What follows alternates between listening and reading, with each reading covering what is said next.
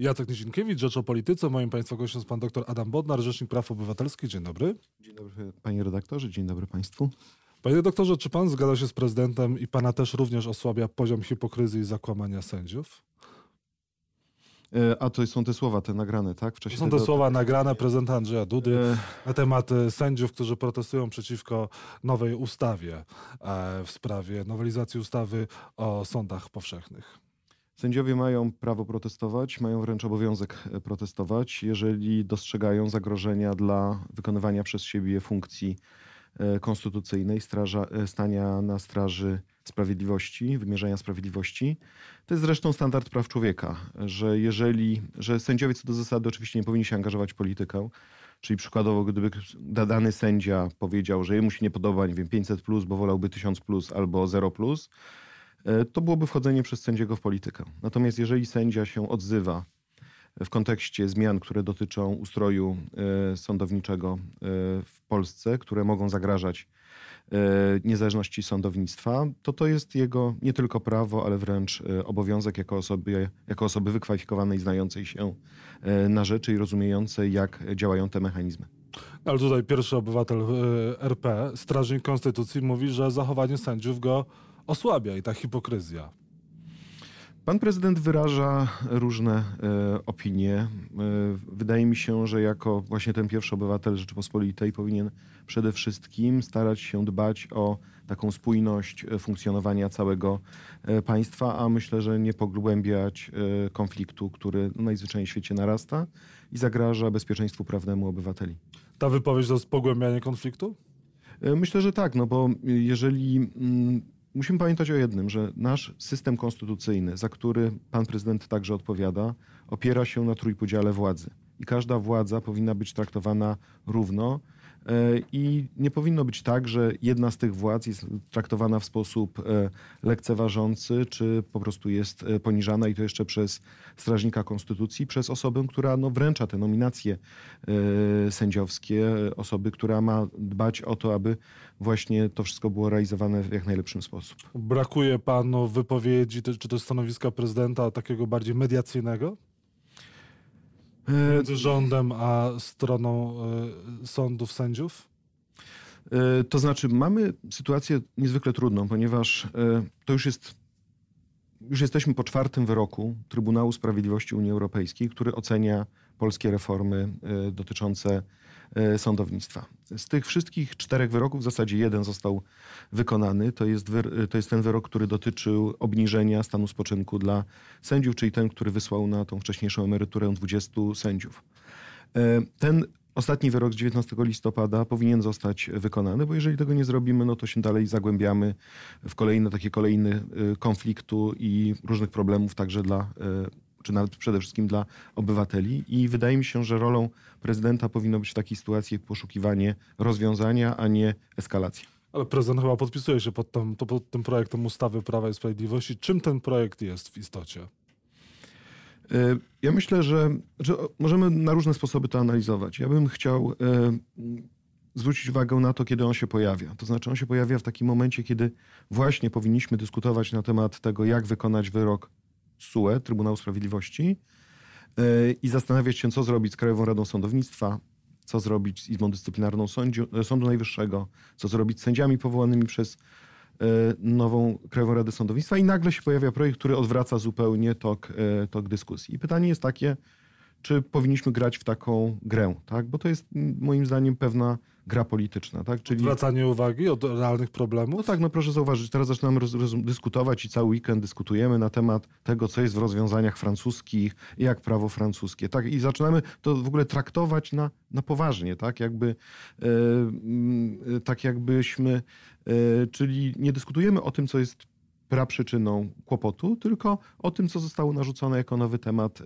w dyskusji. A oczywiście no, te rozwiązania, które są w tej ustawie, e, po pierwsze wpłyną na to, że sędziowie będą mieli wielką trudność w stosowaniu prawa europejskiego, bo e, a po drugie będą mieli no, nałożone dodatkowe ograniczenie, jeżeli chodzi o możliwość wypowiadania się w sferze publicznej. Tak jak powiedziałem, sędziowie mają prawo wypowiadać się w tematach, które dotyczą ich statusu i które dotyczą niezależności sądownictwa. Zgadza się pan z wypowiedziami, że ta ustawa, jeżeli by weszła w życie, to jest polexit, to jest ustawa kagańcowa? E, polexit to jest bardzo mocne e, słowo, ponieważ... Między profesor Łętowska go używa. Tak, natomiast ja myślę, że lepiej to nazywać, to co się dzieje, że wydrążamy istotę członkostwa w Unii Europejskiej, że pozbawiamy to członkostwo tych wartości, na których się to opiera i oczywiście długoterminowo to powoduje, że zaczynamy być coraz bardziej osamotnieni. Jeżeli chodzi o współpracę sądową, jeżeli chodzi o ochronę inwestorów, jeżeli chodzi o ochronę także naszych obywateli, którzy, którzy mogą mieć różne e, spory e, transgraniczne. I pytanie, do czego to e, doprowadzi. Myślę, że do samego polexitu cały czas jest y, daleko, bo to jest jednak decyzja polityczna, no ale cóż za członkostwo w Unii, jeżeli się ono nie opiera na lojalności współpracy, jeżeli się także nie opiera na tym, że to Polska jest jednym z państw, które nadaje ton y, debacie w Unii Europejskiej. Co więcej, ta Unia nam się też do czegoś przydaje. Ja nie mówię tylko o, o finansach, tak? ale jak na przykład dyskutujemy o wyroku Trybunału Sprawiedliwości Unii Europejskiej, który jest krytykowany, to ja mówię, no dobrze, to spójrzmy na wyrok w sprawie rurociągu Opal. Wtedy Polska była przeszczęśliwa, tak? Ten sam Trybunał w Luksemburgu zahamował budowę rurociągu, który szkodził naszym e, interesom e, gospodarczym, naszej racji stanu, jeżeli chodzi o energetykę. To, to nie może być tak, że jednego dnia nam się coś podoba, drugiego nam się nie podoba. To nie jest tak, że sobie wybieramy z menu albo akceptujemy wszystkie zasady wiążące się z członkostwem w Unii Europejskiej, albo e, uznajemy, że jednak w tej wspólnocie nie chcemy uczestniczyć. Czyli polexit prawny to jednak de facto jest. Myślę, że to, to byłoby lepsze chyba określenie faktycznie, bo polexit e, taki już w sensie ściśle politycznym to jest no, długi, skomplikowany proces, ale polexit prawny, tak, z taką tezą bym mógł się zgodzić. Czy pan myśli, że ta ustawa jednak wejdzie w życie, czy ona może zostanie przez e, prezydenta e, zablokowana, czy też rządzący pod naciskiem opinii społecznej sami się z niej wycofają, czy, czy, czy jak to się skończy? Panie redaktorze, już przez te kilka lat obserwowałem tyle różnych e, sytuacji e, wprowadzania kozy przysłowiowej do pokoju, a później wyprowadzania, że każdy scenariusz jest możliwy. Ja wiem, co ja powinienem w tej sytuacji zrobić i co, jest, co należy do moich zadań. Do moich zadań w takiej sytuacji należy przygotowanie opinii prawnej która, e, i przedstawienie jej parlamentowi, która będzie wskazywała na e, wątpliwości prawne dotyczące tej ustawy. E, ale także myślę, że to jest na tyle poważna ustawa, że wystąpię do OBWE z prośbą, żeby oni także przedstawili swoją opinię. Kilka razy się zdarzało, że OBWE taką opinię przedstawiało. Mhm. Myślę, że też będą organizacje pozarządowe zainteresowane e, tym, żeby e, ocenić treść tej regulacji. No i oczywiście jak ustawa już ruszy na e, tory sejmowe, no to pewnie będę zabierał aktywny głos w jej kontekście. Jeżeli ona wejdzie, jeżeli ten walec Prawa i Sprawiedliwości pojedzie dalej, nie zatrzymany również przez prezydenta, czy też przez pana, to co to będzie oznaczało dla polskiego wymiaru sprawiedliwości, dla takiego przeciętnego Kowalskiego? Mm, czy musimy jeszcze pamiętać, że ten walec, on trochę zmienił swój bieg w porównaniu do sytuacji sprzed kilku miesięcy, bo jeszcze, mamy, bo jeszcze mamy Senat. E, e, opóźni się e, bieg tego walca, ale jednak dojdzie do końca. Tak, tylko panie redaktorze, to jest różnica i pan dobrze wie, że z punktu widzenia politycznego, jak wielką różnicę w polskiej polityce to robi, kiedy ten walec trwa 3-4 dni, a kiedy trwa miesiąc, mhm. prawda? Że w ciągu miesiąca może się bardzo dużo wydarzyć, mogą się wypowiedzieć e, instytucje e, międzynarodowe, być może marszałek Senatu, e, profesor Grocki zwróci się do Komisji Weneckiej o opinię, ma taką, ma taką możliwość. Są różne, różne możliwości, które myślę, że będą powodowały wątpliwości dotyczące tej, tej ustawy. To może zaszkodzić prezydentowi Andrzejowi Dudzie w reelekcji? To już jest pytanie o ścisłą politykę, panie redaktorze. Pan się polityką już, nie zajmuje. Panie redaktorze, no, ja zdaję sobie sprawę z tego, że to, co dotyczy integracji europejskiej obecnie, czy to, co dotyczy sądownictwa, no, ma ścisły związek obecnie z polityką, ale jednak już kwestia oceniania, czy ten czy inny kandydat ma takie czy inne szanse, to już jest, to już jest czysta polityka i to w tym portalu czystapolityka.pl na ten temat trzeba na rozmawiać. W Kongresie Praw Obywatelskich, który trwał przez e, ostatni weekend, pan przedstawił pięć drogowskazów dla Polski e, na rok 2035. To nie jest taka data, w której pan chciałby zacząć uczestniczyć uczestniczyć, uczestniczyć w polityce, kandydować w wyborach może prezydenckich. Mm. Proszę zauważyć, że pięć drogowskazów to była druga część. Ja faktycznie przedstawiłem na koniec kongresu coś w rodzaju takiego podsumowania agendy 2035, czyli przede wszystkim wyzwań, które widzę przed Polską i jeżeli mamy te wyzwania, jakie powinniśmy ustalić drogowskazy w tym czasie. Jeśli chodzi o te wyzwania, to przede wszystkim to jest zmiana klimatu, zagrożenie związane nowymi technologiami, to jest rozdźwięk między światem młodych a wartościami demokratycznymi, e, to jest sytuacja demograficzna w Polsce e, oraz kryzys praworządności. To jest te pięć wyzwań. No i, i oczywiście trudno jest przewidzieć, e, w, w jak to wszystko rozwiązać, czy dać gotowe recepty, ale wydaje mi się, że powinniśmy się kierować pewnymi właśnie drogowskazami, nastawić się na szacunek dla nauki. Na przykład tutaj widzę, że partie polityczne powinny znacznie częściej i mocniej korzystać z wiedzy eksperckiej, bo myślę, że częstokroć ta nasza debata ma charakter czysto emocjonalny, taki pozorny, codzienny. E, po drugie, wskazuje na to, że integracja europejska to powinno być coś, co, czemu byśmy, powinniśmy być wierni, ale nie na zasadzie tylko wdrażania, ale nadawania tonu e, dyskusji. Też mówiłem o e, roli edukacji i wzmacnianiu w tym, w tym zakresie. Także kilka tych drogowskazów, które powinny być istotne. To jest drogowskaz dla pana polityczny? Nie odpowiedział pan na pytanie, czy pan jednak Panie redaktorze, ja jestem... kandydował w wyborach prezydenckich przyszłych? Panie redaktorze, jestem na bardzo takim, takim ważnym momencie dla mnie, bo kończę kadencję rzecznika e, i chcę po prostu dokończyć kadencję jak najlepiej. Ten kongres, który organizowałem, to już jest trzeci. No, zbiera się ileś przemyśleń i myślę, że to jest po to, żeby to podsumować. To raczej te moje wyzwania, które wskazałem i drogowskazy, są bardziej apelem do polityków, że naprawdę powinniśmy poważnie potraktować. Pan nie to, wejdzie do polityki? Może kiedyś wejdę, może nie. Tego, tego nie wiem. Zobaczymy. Na razie przede mną jest dokończenie kadencji. Też nawet ja nie wiem, panie redaktorze, kiedy ja kadencję skończę, tak? Przecież dobrze pan wie, że yy, zakończenie kadencji przeze mnie, może inaczej, zakończenie pełnienia obowiązków zależy od wyboru nowego Rzecznika Praw Obywatelskich. Będę kontynuował pracę naukową i to są na razie najważniejsze rzeczy dla mnie. Jednym z tych punktów, e, które pan ogłosił na Kongresie Praw Obywatelskich była kwestia demografii. 500 plus nie rozwiązuje problemu demografii. Taka była idea powołania tego programu. E, wydaje mi się, że, że jeżeli myślimy o 500, plus, to, to myślimy tylko o bardzo takim wąskim zakresie, bo oczywiście to miało zapewnić większy przyrost naturalny. Natomiast ja zwracam uwagę na kwestie przede wszystkim związane ze starzeniem się społeczeństwa bo to będzie powodowało, że mm, będziemy po pierwsze oczekiwali lepszego życia, czy życia na tym samym poziomie, a system emerytalny już teraz widzimy, że y, jak przeliczymy sobie emerytury, że już nie do końca y, odpowiada tym wyzwaniom. Y, system zdrowotny tak samo. Rosną, rośnie postęp w medycynie i nasze oczekiwania, jeżeli chodzi też znowu o poprawę naszej jakości życia i to i o tym trzeba rozmawiać. Już teraz strategicznie planować, co z tym y, dalej. Ale na przykład bardzo ważnym wyzwaniem to jest, są masowe migracje.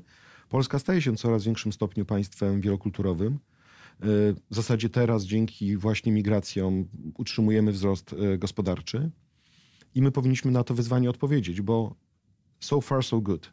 Ale jak się nagle zmieni e, sytuacja gospodarcza, nagle nastąpi kryzys, to czy czasami jakieś konflikty na tle narodowościowym nie będą e, rozbijały naszej e, wspólnoty? Polska klasa polityczna nie myśli długofalowo.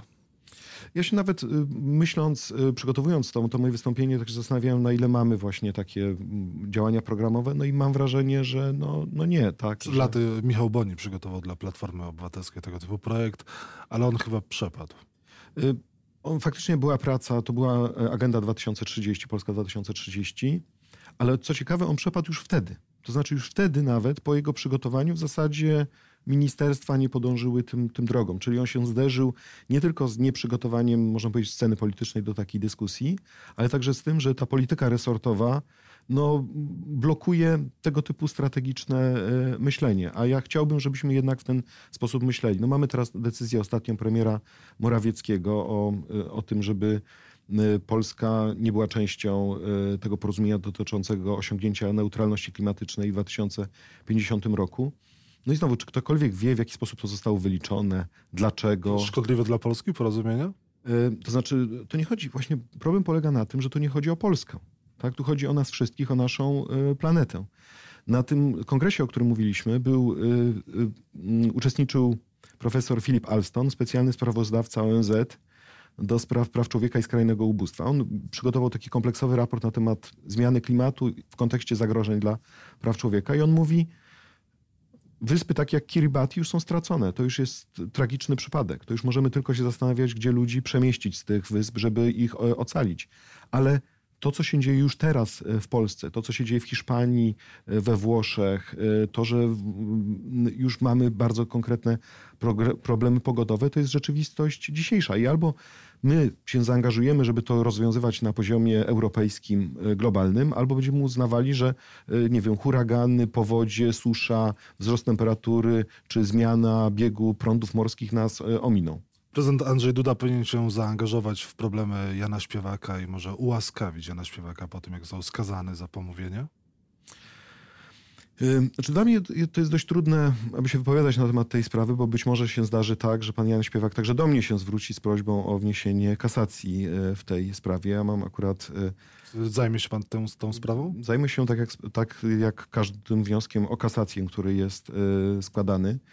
Pytanie, czy to będzie potrzebne, skoro w tej sprawie już się zdążył wypowiedzieć i wiceminister Kaleta, i premier Morawiecki, i jak zakładam, tematem spotkania między prezydentem Dudą a Janem Śpiewakiem była także ta, e, ta, ta sprawa. Także być może nie będę musiał się sprawą e, zajmować. Szymon Hołownia dobrze się zajmuje polityką, wchodzi do polityki, kandyduje na prezydenta. Szymon Hołownia o panu się dobrze wypowiadał w przeszłości, pan o nim. Jest przygotowanym kandydatem do pełnienia urzędu prezydenta? Ja nie przypominam sobie, żebym publicznie się wypowiadał na temat Szymona Hołowni w jakimkolwiek miejscu. Twitterze było tego typu. Możliwe, że to sam Hołownia o panu się wypowiadał w samych superlatywach. Mm, znaczy, na pewno było mi miło, że Szymon Hołownia odwiedził Kongres Praw Obywatelskich, podobnie jak kilku innych kandydatów na prezydenta. Bo na kongresie na początku była i pani Małgorzata Kidawa-Błońska, i Jacek Jaśkowiak, był też Adrian Zandberg, który nie wiem, czy będzie kandydował, ale Różne osoby o tym, o tym mówią. Był przedstawiciel także prezydenta Andrzeja Dudy, pan minister Dera. E, także to było, myślę, że był oczywiście pan przewodniczący Kośniak-Kamysz także. Dla mnie to było ważne, że kongres był miejscem, które połączył różne, może nie tyle połączył, to nie chciałbym tutaj przesadzać, ale jednak, który został uznany za wszystkie siły polityczne, za na tyle ważne, że trzeba było się tam e, pojawić i także zabrać, e, zabrać głos. E, no i cóż, ja liczę, że te wnioski z Kongresu Praw Obywatelskich zostaną uwzględnione w toku także kampanii prezydenckiej i że faktycznie będziemy poważnie dyskutowali o tych tematach właśnie jak zmiana klimatu. Co do kompetencji Szymona Hołowni i planu w jego prezydenckiej pan się nie wypowie. No to jest, byłaby to dokładnie taka sama wypowiedź jak wcześniej, czy coś zaszkodzi prezydentowi Dudzie, czy też nie, to już jest wchodzenie w bardzo konkretne wybory e, personalne. Na koniec, krzyż w Sejmie może urazić uczucia osób niereligijnych, niewierzących, niekatolików? Panie redaktorze, e, mamy dwie zasady konstytucyjne. Jedna zasada to jest rozdzielenie Kościoła od państwa, druga to jest ochrona praw i wolności, e, w tym kontekście także wolności sumienia i wyznania. Ja jestem od tego, żeby się zajmować przede wszystkim wolnością sumienia i wyznania i sytuacjami, które są bardzo bezpośrednio ingerujące w wolność sumienia i wyznania i staram się na tyle, na ile się da, bo czasami nie jest to możliwe, e, uciekać od wchodzenia w proste e, spory, które e, polaryzują. Staram się ale ten temat jest, pojawia się, wraca co jakiś czas i pytanie, czy w Sejmie, w parlamencie, w którym nie wszyscy są katolikami, krzyż powinien wisieć, czy tak jak chce lewica, powinien zniknąć? Panie redaktorze, ja na razie jestem na tym etapie, że nie mam rozwiązanego jednego problemu, z którym obywatele się zwrócili masowo do mnie, a mianowicie tego, że wokół obwodu twarzy na stronie tytułowej paszportu, stronie tam, gdzie są dane osobowe, jest napis Bóg, honor, ojczyzna. Ja nie mam problemu z tym i uważam, że z punktu widzenia naszej historii, tradycji. To, że na wcześniejszych stronach paszportowych jest flaga, na przykład jedna z flag Wojska Polskiego z napisem Bóg, honor, ojczyzna, bo to jest część naszej tożsamości. Ale to, że na tym obrysie twarzy to jest, to uważam, że to godzi w uczucia tej konkretnej osoby, bo ma bardzo taki bezpośredni związek z uczuciami tej osoby. I jak ten problem rozwiąże, to może zdążę zająć się także innymi problemami, które w tym zakresie w Polsce występują. Doktor Adam Bodnar był Państwa i moim gościem. Bardzo dziękuję za rozmowę. Dziękuję bardzo.